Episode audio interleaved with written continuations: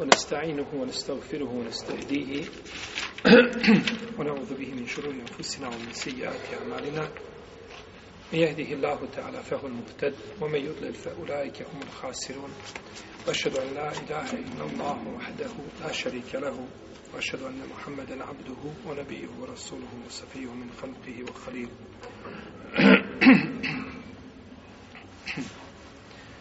أما بعد فإن أصدق الكلام كلام الله تعالى وخير الهدي هدي محمد صلى الله عليه وسلم وشر الأمور محدثاتها وكل محدثة بدعة وكل بدعة ضلالة وكل ضلالة في النار ثم أما بعد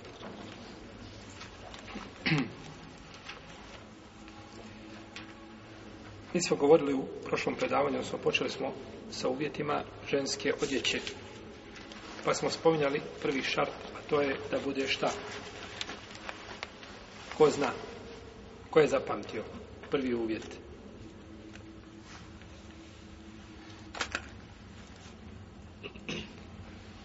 Jedan. Ima li još ko da zna?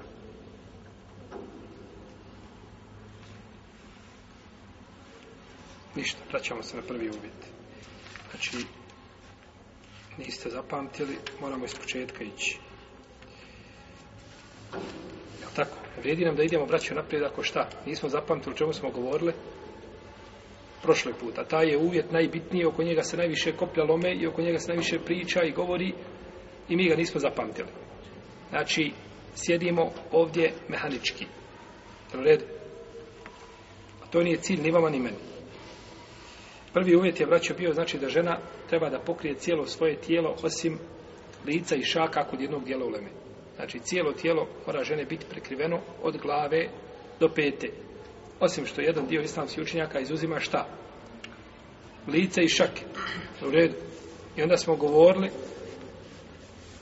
o dokazima i spomljali konsensus islamskih učenjaka kada je u pitanju pokrivanje mimo lica i šaka, a pa spomenuli da jedan dio učenjaka šta obavezuje na pokrivanje i lica i šaka.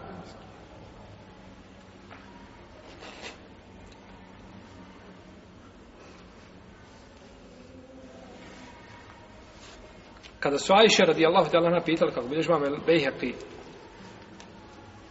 u određenim pitanjima kaže limete stekfirune huđeđa Allahi alaikum.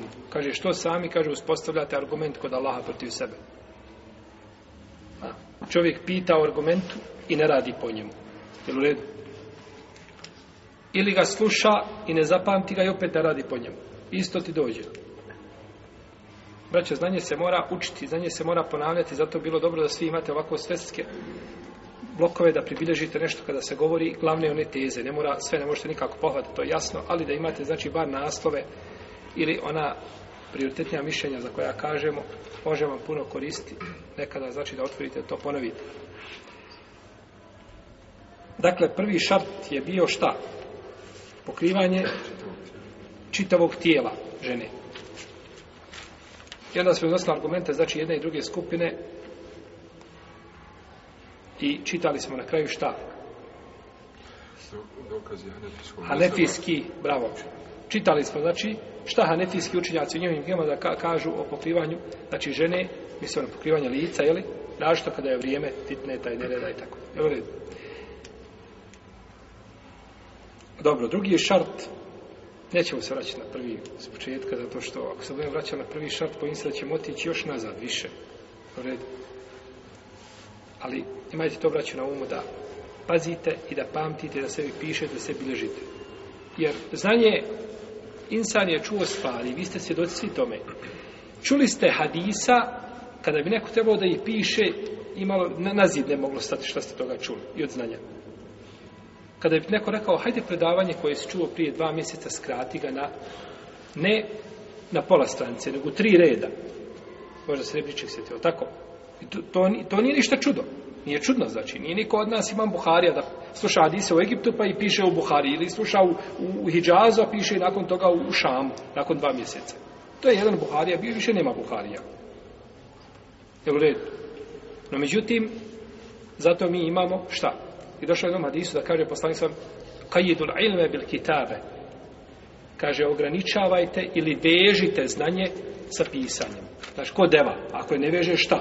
Ode Tako i znanje ako ga, čime ga vežeš Olovkom, kalemom ga vežeš, pišeš ga Tako došao hadisu šeha Albani Kaže taj hadis može proći Neki su prigovarani u svakom slučaju On je ispravan kao izreka Ako nije šta, kao kao hadis, to u svakom slučaju, jel? Dobro. Drugi šart je, govorimo znači o uvjetima ženske odjeće. Drugi šart je da ne bude ta odjeća sama po sebi ukras. Da ne bude ta odjeća šta sama po sebi ukras.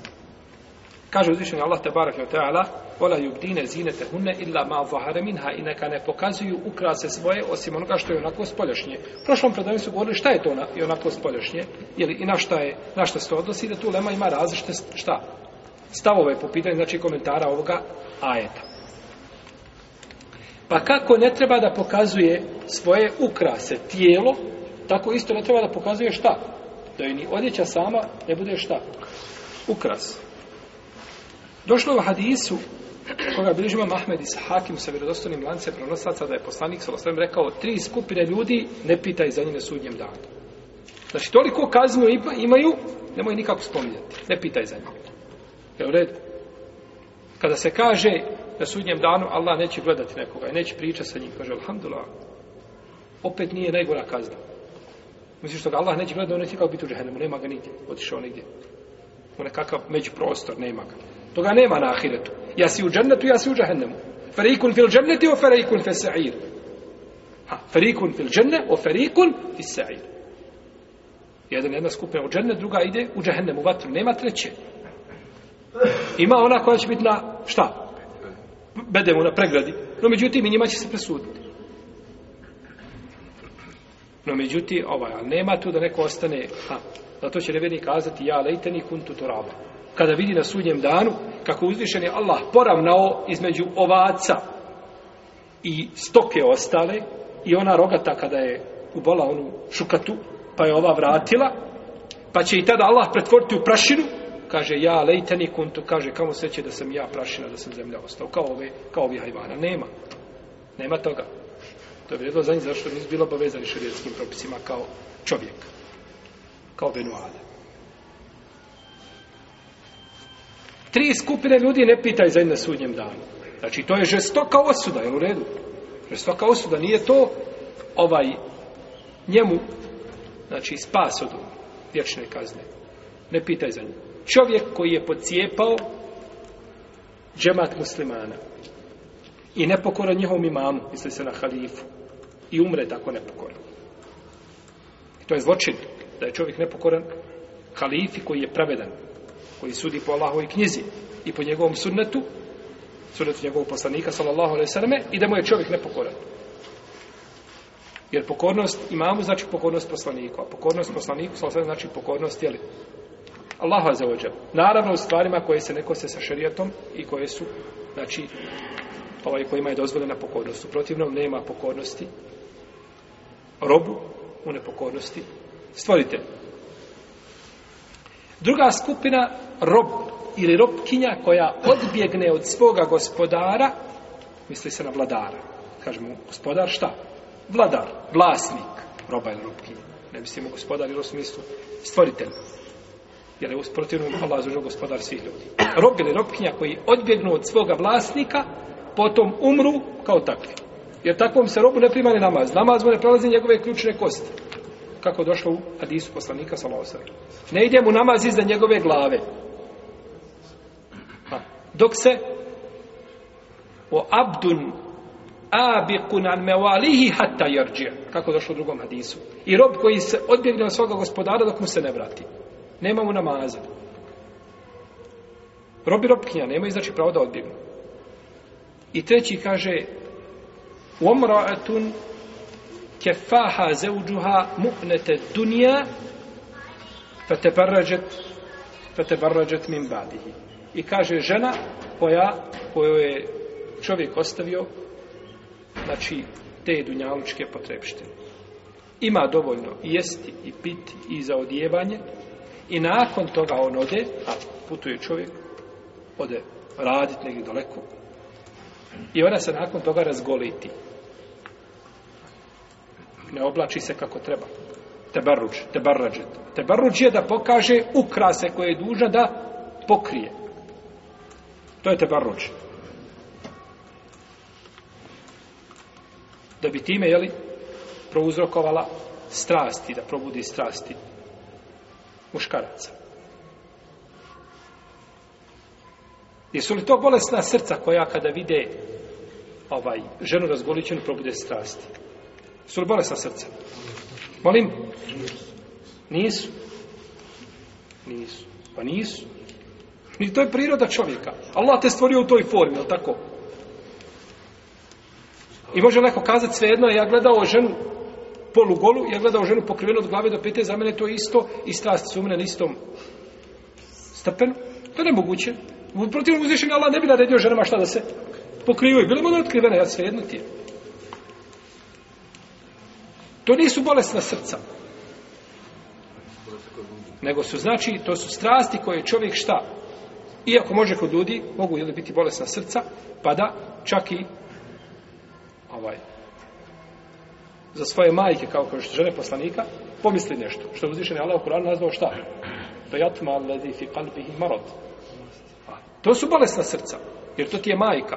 Čovjek svoju majku vidi, vidio je lice i probude mu se strast. Je to bolesno srce? Ne taj je, taj je pred smrt. Taj samo još nije mu srce umrlo. To je srce, znači, garavo. Nije samo crno. Je u redu? To je drugo nešto. No, međutim, čovjek, ako gleda ženu strankinju, zato je uzvišen je Allah, te varkale, naredio to, poznavajući, znači, prirodu čovjeka, i to je iskušenje ljudima. To je iskušenje ljudima na ovoj zemlji. I u tim strastima su sigurno velike koristi jer možda se ne bi ljudsko potomstvo nastavilo da nema jel tih strasti. No međutim, šarijat ih usmjerava i šarijat ih kanališe i šarijat znači postavlja granice koji su se ljudi dužni pridržavati. I subhanallah, kako je mudar šarijat Allahog Tebarak. A kako da ne bude mudar njegov šarijat kad ga je propisao onaj koji je najmudriji, Tebarak je otak. I žena koja se razgoliti nakon jeli, čovjek ostavi je Znači, nema potrebe da ide raditi, da bude negdje sekretarica, jel u redu? Pa da se mora dotirati da svako ko dođe, da ima prolaznu ocjenu kod njega, jel u redu? Nego si živi u svojoj kući kao, kao kraljica i ima sve i nakon toga se šta? Razgoliti, pa ne pitaj o nju. Znači, ovo ukazuje na šta? Da je, znači, kazali smo tebaruč. Šta je tebaruč? Pokazivanje čega? Ukrasa. Koje je žena dužna šta da pokrije. Pa nije logično, braćo, da bude onda odjeća žene sama po sebi ukras. Ona pokriva šta? Ukras. A to čime je pokrila ukras je šta samo po sebi ukras. To, to je znači, ne, nema, nema znači svrhe od tog pokrivanja, ništa. To pokrivanje znači nije validno, nego se pokriva ukras. A otkriva se tamo gdje se treba otkriti. Je tako?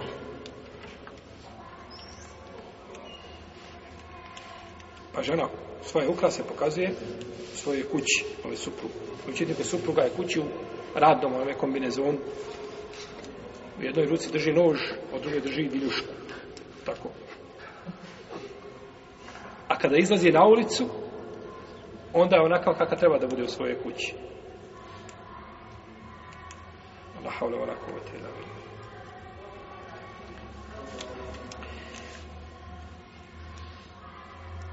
Neke žene smatraju da je svaka druga boja mimo crne, da je to boja koja je ukras.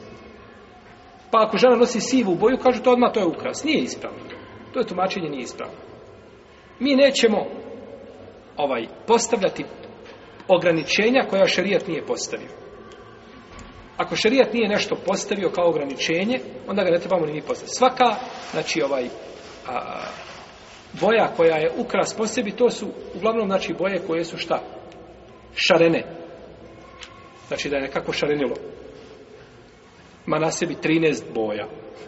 Džilbab sav nekakav u nekakvim. I danas, subhanala, kad uđete da kupujete, hoćeš kupiti ženi džilbab u Saudijskoj Arabiji.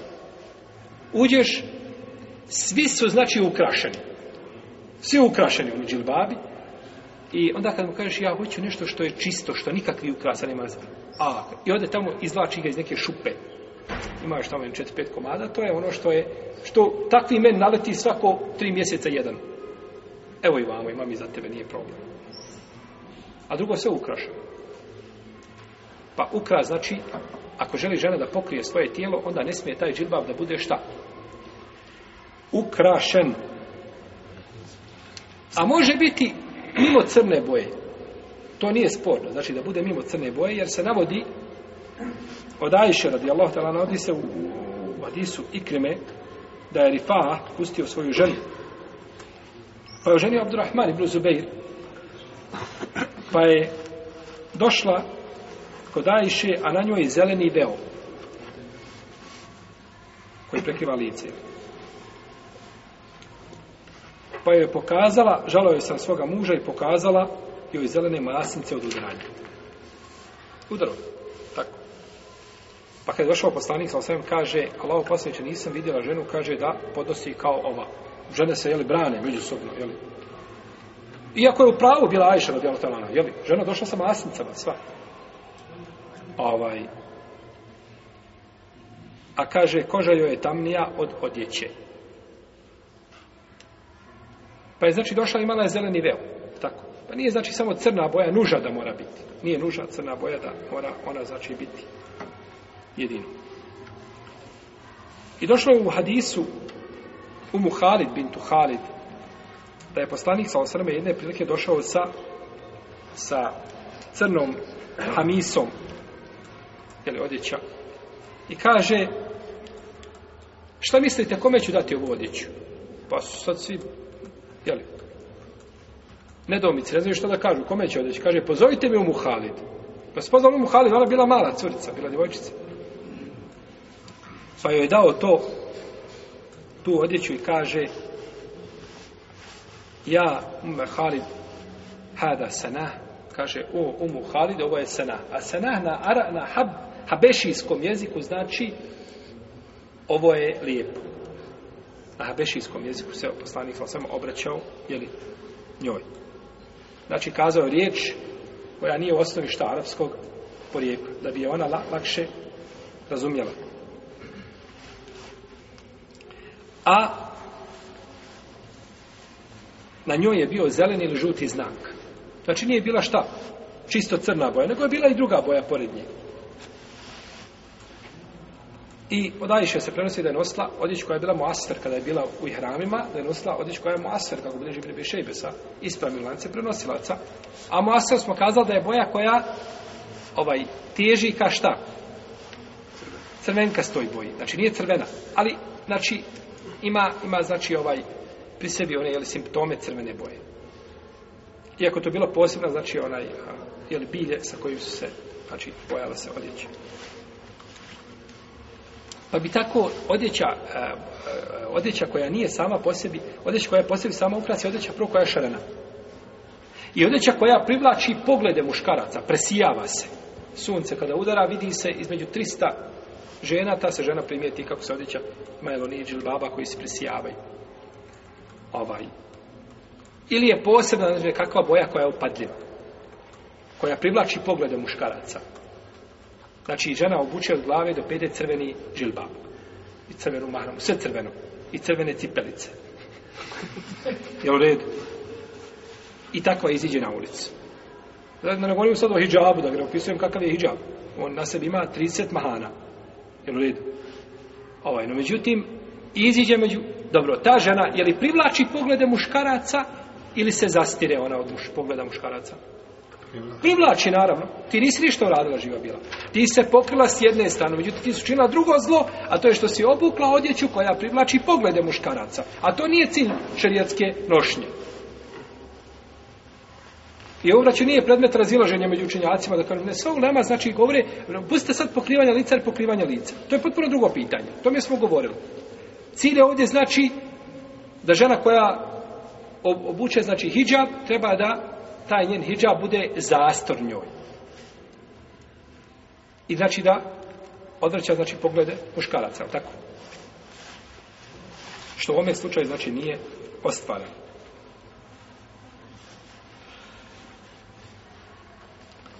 Iako je najbolje da odjeća žene bude crna. Nema sumnje, to je najbolje. To su žene u vrijeme poslanika sa ozirom nosio. I sada ne bi vraćali to, ha, crna boja, jeli, upija toplotu. Najveća toplota je bila u mjestima gdje živio poslanik sa Pa sto žene nosile. Kaže Ajša radijala ta kada je bila na putu, sjećat se, hadi se to, ifk, kada je bila, kaže, pa je došao Safan ibn Muattal, zakasnio. A on je bio taj koji je, kažu neki da je zakasnio na to što je imao tvrd san, pa se nije mogao buditi, jel tako? Pa zato nikada na saba nije ustao na vrijeme. Uvijek kasnio na saba. Pa se žena njegova se žala poslaniku, kako došlo kod Ebu Dauda u sunanu. Žalila se žena poslaniku, salam Dobro, nije to sada ovaj. Nećemo se tijeti hadis, zato što nije vezan za našu tematiku. Vezan je, od hadisa je vezano to, vidio sam, kaže, crnilo. Ha. Vidio sam, kaže, crnilo. Znači, vidio je a, crna čovjeka. Mislio je crnu osobu, jel? Crno stvorenje. To je bila Ajša, radijallahu talana. Znači, bila u crnoj odjeći jer došao od Isu Ajše kada je poslanik kada je uzvišen Allah naredio hijab da su, da su na glavama e, žena da je bilo ovaj da su bile kao crne ptice a crnilo znači bilo umotane znači glave kao da je crnilo pa je znači bila crna boja no međutim kažemo nije šta nije uvjet nije uvjet znači da mora biti crno neki ovaj, neki ljudi imaju e, ovaj alergiju crnog Mislim, ovi što nose, nego ovi što gledaju. Alergični su. Kad je crno, on samo pođe drhte pa ovako. Ma ti ćeš drhtati na crveno i na žuto i na srednu boju. Jer ti ne drhtiješ od toga, nego ti drhtiješ od islamofobije živio. A to je problem što ti drhtiš. Hajmo je staviti smeđi, ali moje staviti sivi. Ti onda drhtati. Neće možda ruka loći srce. Ti ne voliš islam, bolam. Ono. Jer nije više problem šta je nego ti, ti si sam, ovaj, težak si sam sebi i onda ti je sve teško. A našto onda kada dođe islam u pitanje. Pa ljudi kada nosi, molim? A kada dođe, znači, u pitanje ovaj islam, tada ljudi pokazuju svoje pravi. I ta, niko bolje svoje lice nije licemjerno pokazao što je Evropa licemjerna. Najbolje su pokazali svoje lice. I su bana, da nije islama, možda ga ne pokazali. Možda bi ljudi živjeli kazali, nemojte ljudi tako pričati. Sad ste ga pokazali, ne možete ga, druga, ne možete ga više pokazati. Vi ste tačno izgledali svoje srce i polovili ga i kazali, evo šta je u srcu, gledajte mržnja prema islamu veća nego srce. Pa insan kada dođe, kada dođe, to je, braću, tako je bilo vreme poslanika, kada je došla istina, pokazala se koja je u taboru mu'mina, a koja je šta na drugoj strani rijeke, jel tako? Odmah se ljudi podijeli. Kaže, Ajša kao da je njihovim glava šta? Ptice crne. To je drugi uvjet. A šta je drugi uvjet? Da? Da. Da odjeća ne bude sama po sebi ukras. Bravo, da odjeća sama po sebi ne bude šta? Ukras, to je drugi uvjet. Treći uvjet je da odjeća ne bude prozirna. Dakle, da bude neprozirna. Da bude, znači, dovoljno debela, znači da nije prozirna. Ispomenuli smo hadis kod imama muslima da dvije skupine ljudi da je Allah na sudnjem danu, znači da im pripada bolna patnja da je poslanik sam nije vidio na sudnjem danu, lem arahuma bad, nisam i vidio nikako, toliko će biti daleko, znači u kazni, ljudi koji nose bičeve poput kravlji repova i udaraju ljude, jeli, oholnici, ljudi, bilo da su vlasnici njihovi, da su robovi udaraju, vladari da udaraju svoje podanike, nije bitno ko koga, ovaj, i žene koje su pokrivene, otkrivene. Pa je pokrivena prozirna pokrivena prozirnim. Kao kada žena na, na, na, na, na ovaj, stavi na vjenčanicu kada spusti nikam sebe, ali tako? Spusti se onaj za, za, veo spusti, no međutim sve se vidi. Tako i ova. Spusti znači sve na svoje ovaj tijelo, no međutim sve je to prozirno i sve se vidi.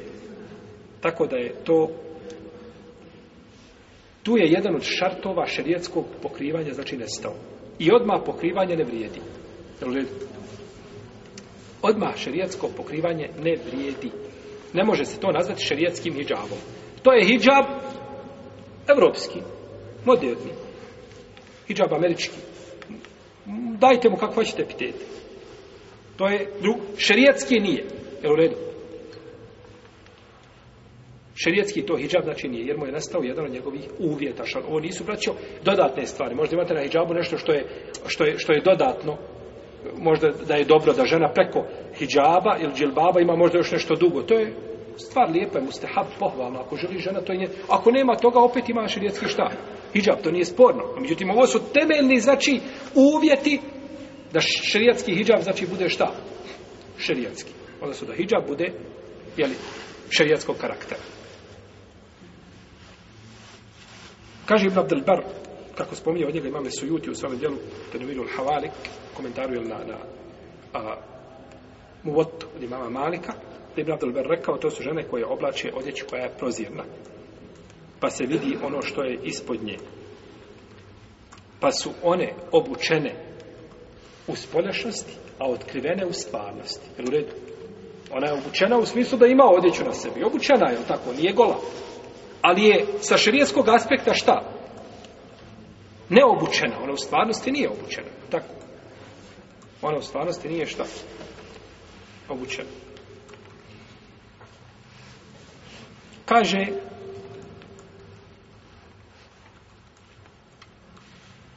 Umu Alkame, Ibn Abi Alkame, vidjela sam Hafsu bint Abderrahman, Ibn Abi Bekr, da je ušla kod Ajše. A na njoj prozira na himar. Pokrivač, znači glave, prozira i vidi se znači kroz njega pa Ajša uzela i podarala ga kaže za reza šta je Allah objavio suri An-Nur pa joj je dala znači himar koji je bio ispravan znači šerijatski nije bio znači prozir i kaže Hišam ibn Urve da je Munzir ibn Zubeir došao iz Iraka i donio Esmi bin Tebi Bekr a odjeću e, platno je donio koje je bilo e, tanku. Pa je donijela da vidi, a ona je bila slijepa. Pa je uzela ovako rukom i dotakla ga. Kaže, uf! Kaže, vratite mu to što mi je donijelo. Ne treba to meni. Pa mu je to teško palo. To mu je teško šta? Palo. Šam ibn Urvan. Šta je njemu esma? Ana. Ne, ne. Šam ibn Urva. Urva čiji je sin? Zubeiru. Zubeiru. A komu je majka? Esma. Šta je onda Hišam ibn Urva? Šta bude njemu? Esma. Hm? Smo zapetljali. Hišam ibn Urva, sin Urvin, a Urva je sin Zubeirov, a Zubeirova žena je Esma, pa je Esma majka koga? Abdullaha i Urvata, dvojice braće. Pa je taj Urva dobio sina. Hišam. Šta mu bude? Tako. On je donio svoje, a ona bila starija i bila slijepa. Pa je uzela ovako rukom, kada je to dotak, kaže, of, nosi to, kaže, vratim to nazad. Pa mu je to teško palo. A poklon hediju donio i teško palo. Dobro. Pa kaže, ovaj, kaže, to kaže, nije prozirno. Ono jeste tanko, ali je gusto, nije prozirno. Jer kada je to crtava, pa je vratilo to. Ova je, Esma je bila slijepa, a imala je bolje oči nego danas nije, današnje neke muslimanke koje Ma šestar očiju kad kupuje. No, pa međutim, ne vidi ono što je šerijatski neispravno da kupuje. Takva plata i takva boja, to ne smije muslimanka nositi živa bila.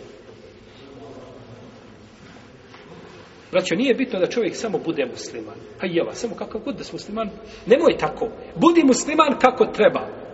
Budi musliman kako Allah od tebe traži.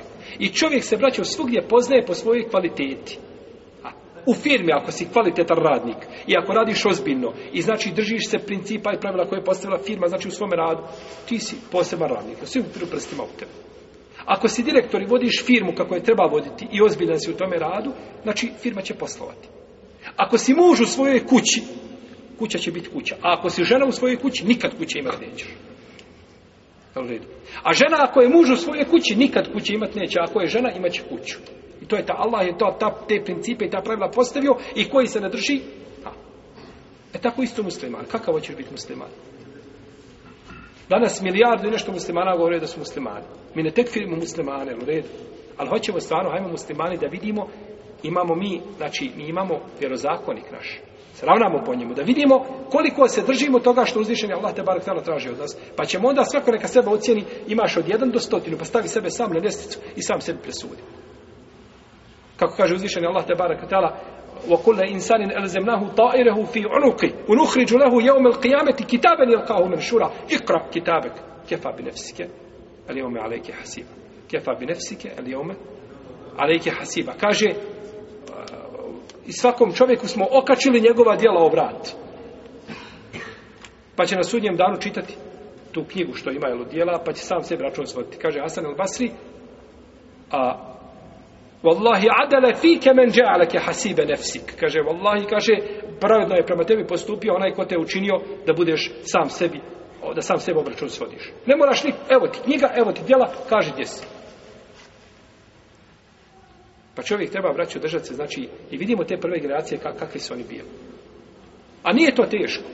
Vjera nije opterećenje ni u kom pogledu. Vjera je opterećenje kada čovjek sebi to u psihi ima nekakvu predasudu da je islam opterećenje, zato što ga odgojio ko?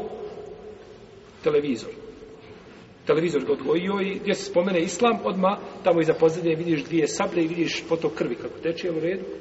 Kažu, to je islam. Zato su Ne, islam je nešto drugo. Islam je ra, rahmet insanu i hajvanu i svakome živom na zemlji. Jer je poslanik sam poslan kao Omar Salak je rahmetan ila alamin i mi te nismo poslane kao milost sin svjetojna. Tako? Pa je milost. No, međutim, milost je kada se primjeni kako treba. Ali kada se primjeni naopačke ili nakaradno, onda posljedice mogu biti kobne.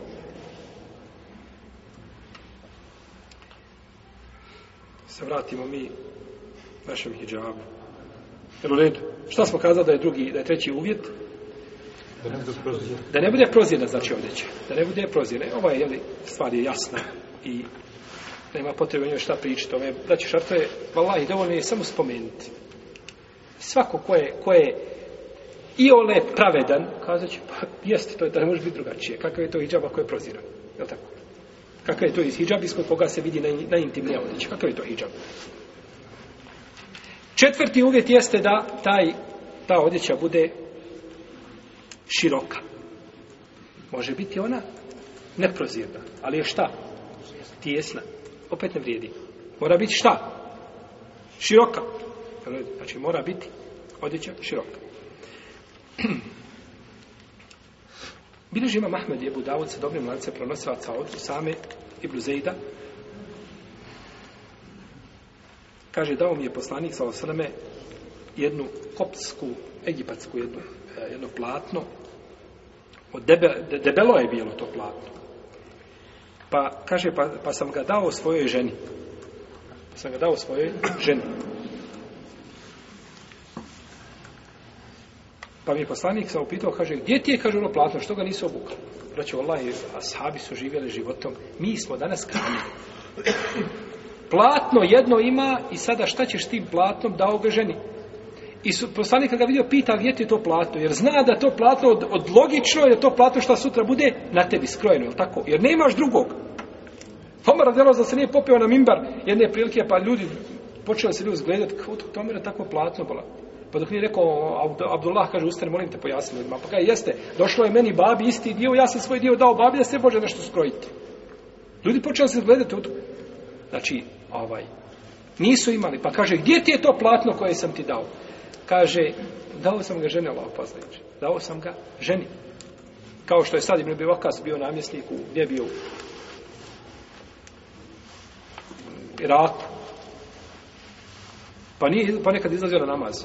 Pa ga ljudi počelo suđivati. Kažu, i počelo se žaliti Omeru, kaže, Omera ne izlazi na namaz.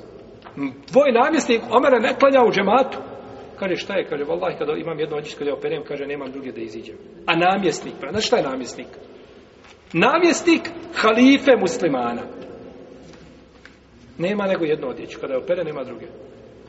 Pa je došao jedan čovjek, kako došao kod Ibn Asakir, o njegove povijesti, pa ga lagao na njega. Pa kaže, Allahumme, in kane kjadi ben femitu. Kaže, gospodar moj, kaže, ako je la, laža, lažac, ako laže, kaže, usmrti ga. Pa se odma strovali u mrtav. Na mje, znači da mi kako je stojao, tako se samo spustio dole. Pa kažu, ubiti čovjeka, kaže nisam ga ubio nego kaže desio se trenutak u kome Allah prima dove kako da Allah ne primi dove odabranim svojim robovima kao što su bila sahabi poslanika sallallahu alaihi sallam dakle kaže mu gdje je šta odjeća kaže dao sam je ženi Allahu poslaniće ženi sam to dao kaže poslanik sa kaže naredio i da sebi stavi postavu ispod toga ja se bojim kaže da joj ne bude ocrtavalo tijelo znači da bude odjeća šta šira da nije uz tijelo, kaže, ja se bojim da to ne bude ocrtavalo, kaže, njene ovaj, kosti, jel da misli se na, jel da, tijelo.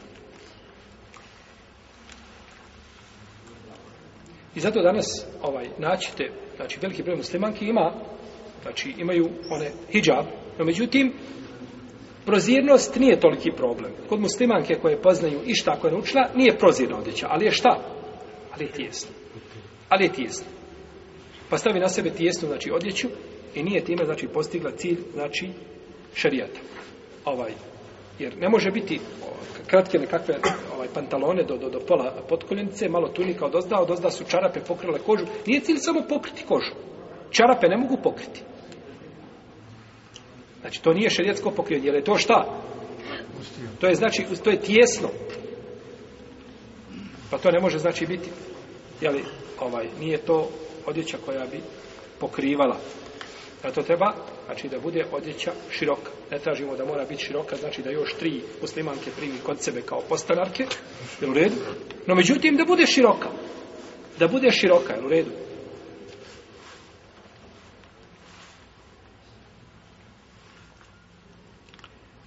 Peti uvjet jeste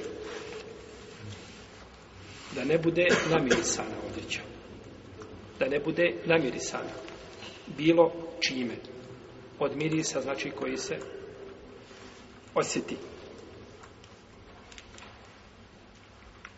Ode Musa Lešara je sprenosio da je poslanik sa Osrema rekao Ejume imrin istaperet fe haređet fe marrete ala kaumin li jeđidu rihaha fe hije zanije kaže koja se god žena namiriše i potom iziđe i prođe pored ljudi da osjete njen miris ona je nemoralna šta je žena, ne mora.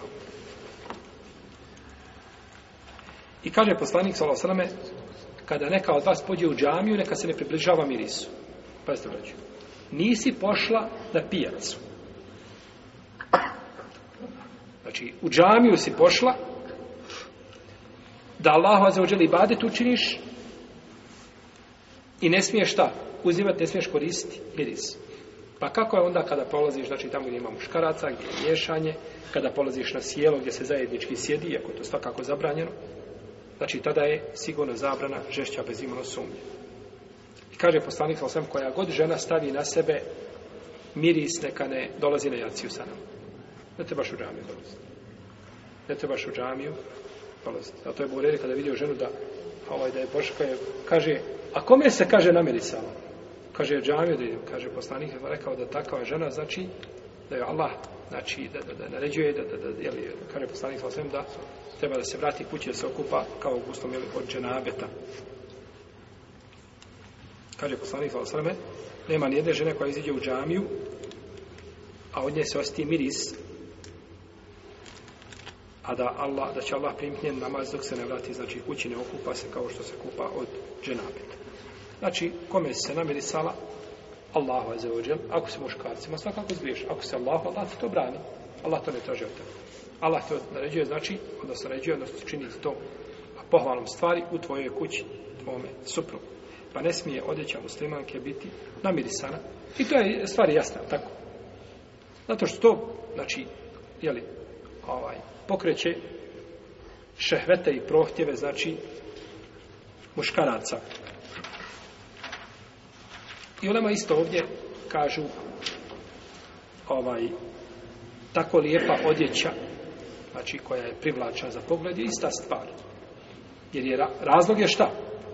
Pa kako čovjek ne smije doći u džamiju, odnosno ne treba dolaziti u džamiju ako je luk da je zijeti ljude, isto tako ne treba ako, ako se napuši, napušio duhana koji je ušao u njegovu odjeću i tako ometaš li kako ovaj ometa sa lukom, tako ga i ti ometaš sa duhanom. I tako ga onaj treći ometa sa smrtljivim čarapama. Jel u redu? To, razlog je jedan, zbog čega raz, razlog je jedan, a to je šta? Da se ometaju ljudi, a luk je halal i luk je koristan i, jeli, bez, bez imalo sumnje i razilaženje, je tako? No, međutim, ne smiješ ga jesti, pa, pa kako da smiješ u osnovi duhan koji je haram i napušti dođeš u džamiju i ometaš ljudi? I ljudi, braćo, koji puše, oni imaju nikakvog osjećaja. Oni imaju osjećaj za sebe samo da, da pripali cigaretu. Oća, imali tu male djece, imali tu ljudi koji ne puše. Čovjek koji ne puši, dok osti miriš duhana, da, da mu duša izađe, tako? Hoće duša da izađe od muke. Pa treba, znači, imati osjećaj vremenu ruku za druge, a to je kad dolazi u džamiju, iako kažemo, toga se treba proći. Tomu je bolje da mi na dunjalu koji pa je na ahiret.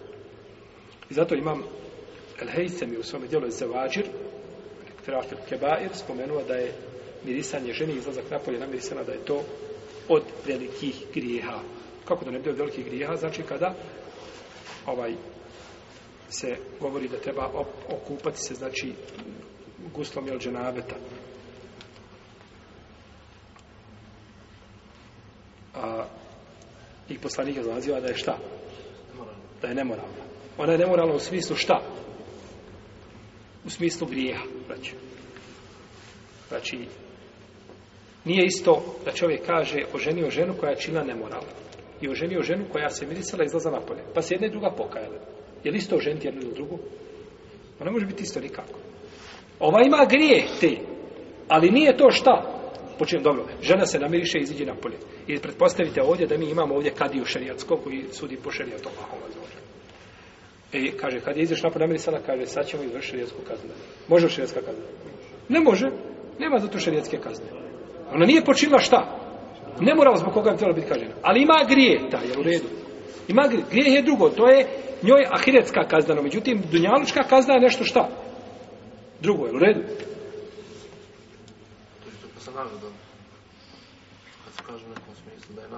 Jeste, kao na, kas, kao kad ko prouči tri puta kol huvallahu ehad ima, ovaj, kao da je proučio Kur'an. U redu, to je trećina Kur'ana. Ko prouči tri puta, ti imaš nagradu, no međutim, nije isto proučiti suru kul huvallaha tri puta i završit hatu. To nije isto. Ali čovjek ima nagradu. E, Allah te pođe. Dalje, sedmi šart ili šesti, šesti, šesti, šesti, da ne liči odjeći muškarca. Da ne liči odjeći muškarca. Bileži ima Buharija i Tirmizi i Ebu Dawud ibn Mađe da je poslanik Laleka od Ibn Abasa kaže Lana Rasulullah s.a.v. al mutešabihine min ar riđali bin nisa al mutešabihati min ar nisa i bin riđali Allah je kaže prokleo ljude koji oponašaju žene i žene koje oponašaju simbole muškarci žene koje oponašaju muškarci muškarci koje oponašaju žene prokleo je to poslanik s.a.v. jeli a Koga je pokleo, prokleo poslanik o osaname? Teško mu se.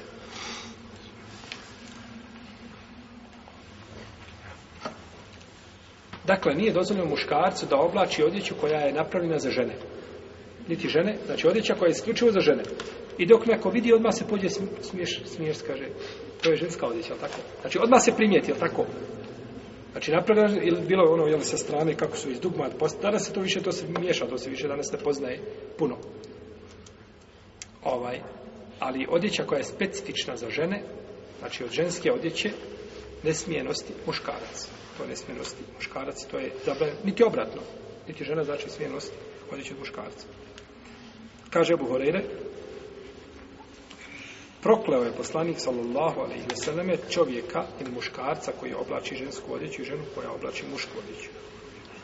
I došlo kada Abu Dauda sa dobrim lancem prenosilaca da je rečeno Ajša radijallahu ta'ala anha ili upitana o ženi koja oblači papuče. Na, to su papuče nanule koje su bile poznate u njihovo vrijeme i koje su bile specifično odjeća zašto? Za muškarce, muškarci nosi. Pa kaže, a poslanik je sa osvijem prokleo, kaže muškaraste žene. Zato što je to bila odjeća šta?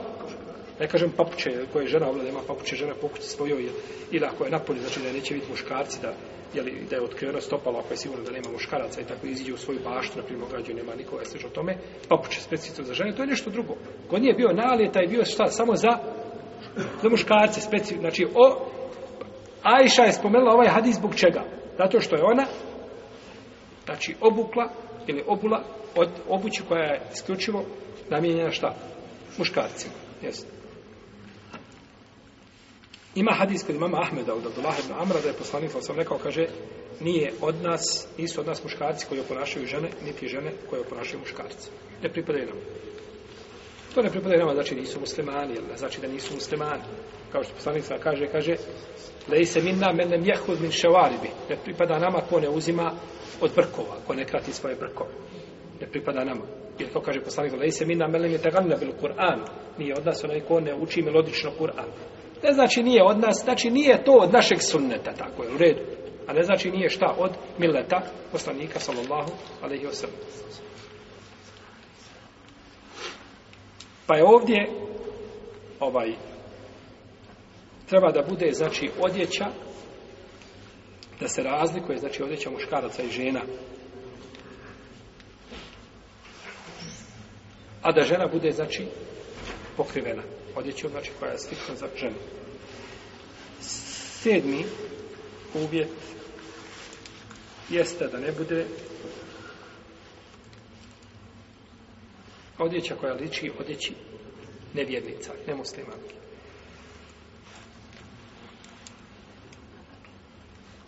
Znači, u šarijetu je poznato pravilo da nije dozvoljeno muslimanu da one oponaša nemuslimana. U bilo kom pogledu, ne smije musliman oponašati nemuslimana. Znači, u onome što je striktno, nešto šta za nemuslimane. Znači, nije braće oponašanje, sad da kažeš, Boga me ovaj, u Njemačkoj su najviše ljudne vjednici. A Njemačka proizvi najviše Mercedesa. Sad, ko sjedne u Mercedesa, to je oponašanje koga? Nije to, znači, to nije ovaj prvo direktno stvar koja se tiče, znači, vjere, jel'i, vrsta prevoznog sredstva. Kažemo direktno, indirektno, indirektno se sve tiče vjere. I druga stvar, ovaj, to nije striktno samo za njih i oni se po tome ne raspoznaju. Kada vidite čovjek u autu, ne znate šta je, ali tako, da ga ne upitate. Osim ako je okačio sebi, jel? Krst, onda zna šta je. Ili ako je okačio mjesec i zvijezdu, znaš i onda šta je.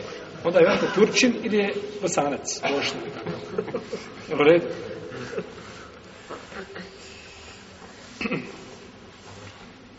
Dakle, ne smije se oponašati. I to je pravilo, znači, ko, i po tome su, braću, došli brojni argumenti, šarijata, znači, došli argumenti, jeli, koji ukazuju na tu činjenicu, kaže Abdullah ibn Amr, vidio je poslanik, ali sam kaže, na meni dvodijelnu odjeću koja je bila muasferom obojana, pa je rekao, kaže, to je odjeća nemuslimana, to je odjeća nevjenica, nemoj to, nemoj to oblačiti, pa mu je to zabranio. Mm -hmm.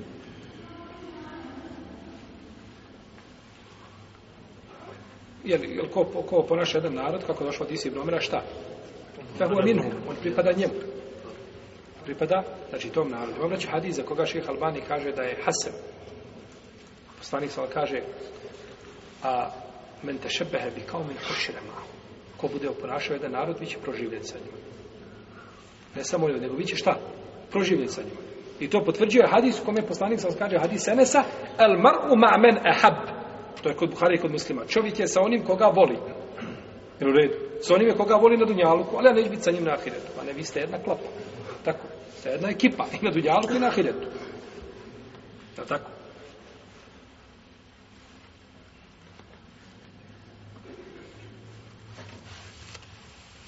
Osmi. Osmi uvjet.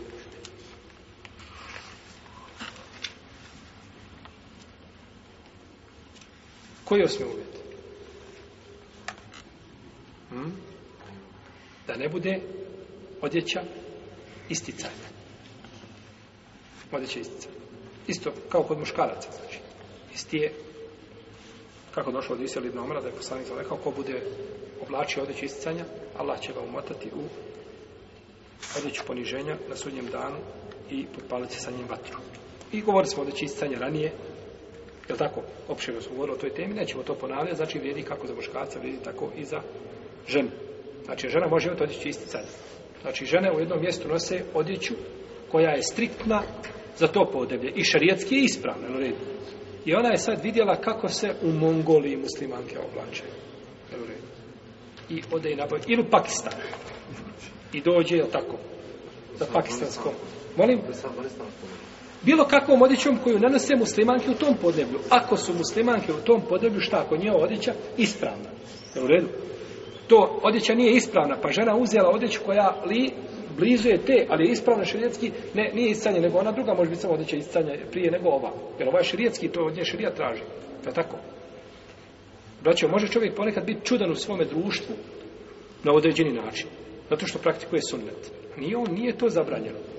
On nije se ne razlikuje se time od društva. To šerija traži od njega. Ili žena traži šerijet od njega da se oblači kako treba, a druge se ne oblači, znači ispravno, pa kaže, ne, nije ona da se ističe.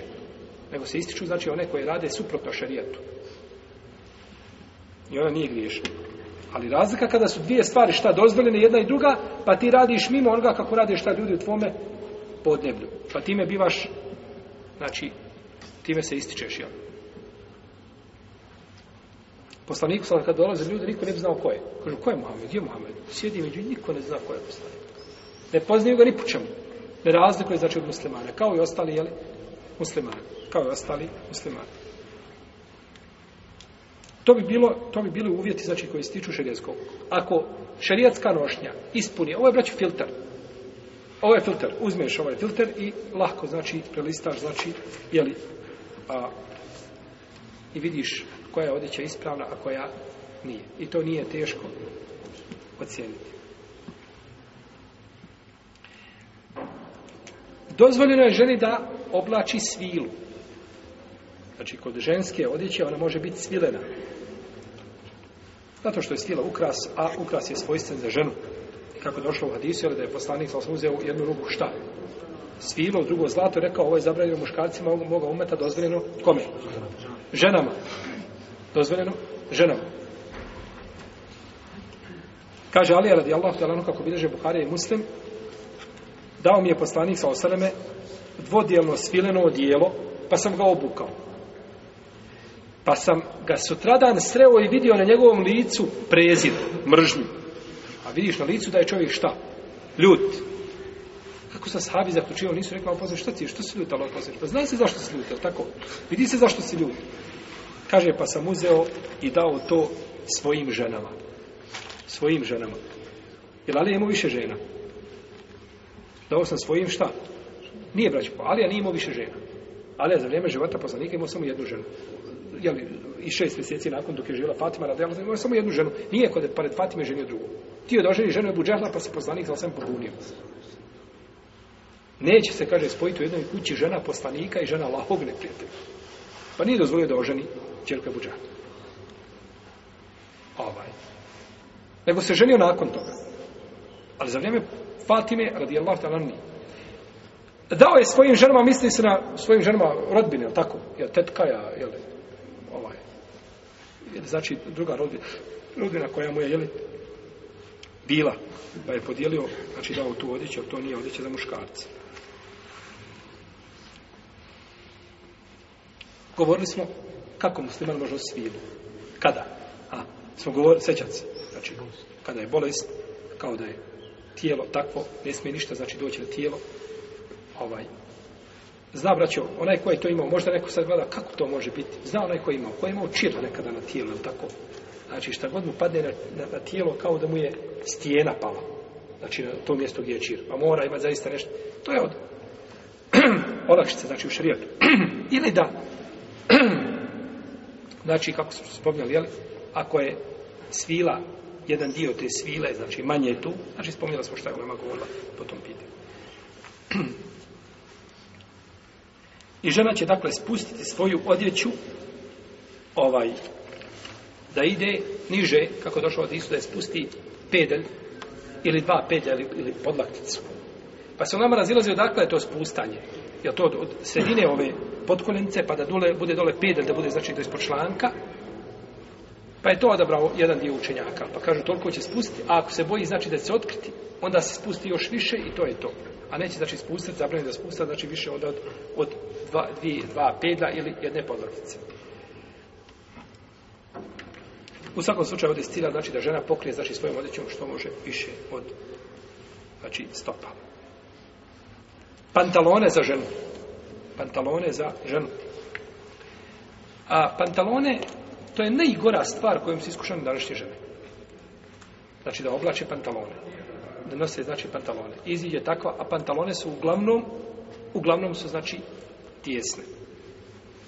Jer, jel to naravno budi šehvete kod ljudi i protjevi, te pantalone utegnute su možda ponekad ovaj veći, veći izazov za muškarce nego šta? nego znači da nema ništa na sebi. Možda da je vidio u njenom pravom liku, možda pobjegu od nje. Ali kada je vidio pantalonama utegnuta, onda svašta mu nešto. Jeli, svakakva mu djeluje lijepa. A od hijjaba, od uvjeta hijjaba šarijetskog jeste da odjeća bude kakva? Široka. Tako. A pantalone nisu. Širtoman da su šire opet nisu ništa, opet se znaju, znači vidje se, znači noge kako idu i to je opet vid ocrtavanja, tako da nije time ništa, znači postiguje. A, stoga ženi nije dozvoljeno nikako da oblači pantalone na polje. To je zabranjeno. Tamo da ima nešto prekakvu tuniku, preko toga da se opet dole vidje pantalone, ne može. Tunika ta ne koristi. Ako je tunika do zemlje, to je drugo. Pa da žena pantalone oblači u svojoj kući, ne smeta. Ali s tim da ne bude šta odjeća? Muškaraca. Da je odjeća koja je napravljena sa tri kroz muškarca. Ako je pantalone posebno koje su ženske i to muškarci nikad ne mogu, znači vidi se odmah na prvi se pogled vidi da je to ženska odjeća, ne smeta. Bilo tjesne, bila kako god da bila u kući njenoj pred njenim mužem, ne pred djecom. A. Žena znači koja ima djecu koja su znači već vide da zaznaju, a treba znači tako odjeću da oblači pred djecom svojom. Nego znači treba da se drugačije nosi. Kada djeca zaspu, onda neko oblači šta hoće. Dobro, redu. Dakle, u svojoj kući da, ili ako ima preko toga džilba. Jel u redu? Ako ima preko toga džilba, pa izi na ulici ne smeta. Džilba bi do zemlje, ispod su pantalone, za žene ne smeta. Nije problem. Nije spojno. No, međutim, da takva izlazi na ulicu, ne. To je zabranjeno i znači ne smije se činiti. Ja tako? I to kosi se sa šartom jednim. Ako, ako bude odjeća, znači ako bude pantalone, opet jedan šart nije šta? Ispunjen, nije jedan uvjet, znači tog širijetskog hijjaba, ispunjen. Je li dozvoljeno ženi da a, oblači ili da obuva obuću sa visokom petom? Govorimo o govorimo o odjeći žene. A obuća ulazi šta u sastav odjeće, tako. Kaže Ibn Mesud radi Allah te lanu, kako vidiš Abdur Razak u svojom usanefu sa ispravim lancem prenosilaca, da su žene Benu Israila i muškarci klanjali zajedno. Pa da bi žena imala jeli, svoga ovaj, simpatizera, pa mu, pa mu obuće visoku petu, da se podigne, da je vidi. A nego da se pomjeri, on ju vidi visokom, na okom, jer ne, ne bježi mu ispod oka. Pa je uzvišen je Allah kaznio ih i dao da imaju hajz. Da imaju hajz. Da imaju znači ciklus. Tako kaže Abdullah ibn Mesud. To je došao od njega vjerodostanim lancem. Ovo je stvar gdje Abdullah ibn Mesud ne može ići haditi. Nema tu prosto da Abdullah ibn Mesud ići hadi pa da kaže kako je došlo do toga. Nego vjerojatno da je to Vjerovatno da je to čuo od poslanika sa osemnom, međutim, kažemo, predaja je od Ibn Mesoda. Pa ako žena oblači obuću sa visokom petom, da bi time bila izazovnija, da bi se pokazala muškarcima, to je haram. Bez jednog sumnje, to je zabranjeno. No, međutim, ako je ne oblači tim nijetom, opet je rezultat šta? Jedan, a to je da privlači poglede muškara, tako žena koja hoda onim, onim visokim, da ne govorimo o tome kakve one zvukove pravi i za sebe ostavlja tamo i se može registrovati negdje, Allah zna dok bi se to čulo. Je tako? Kroz hodnik, kada ide, kada utije gore na šestom spratu, čuje zona prvom kada hoda. Je tako? To je, to je druga priča, to je za sebe priča opet, ovaj što je zabranjeno, znači udarati ženama da se čuje zveke toga, je tako? Da odjeća treba biti, običe treba biti gumena. Kad kupuje ženi cipele, o, dole pritisneš, vidiš ili guma. Ako je plastika, vrat to ne zove. Nego gumu. Ili ako kupiš plastiku, odeš kod šustara da ti šta? Stavi komad gume.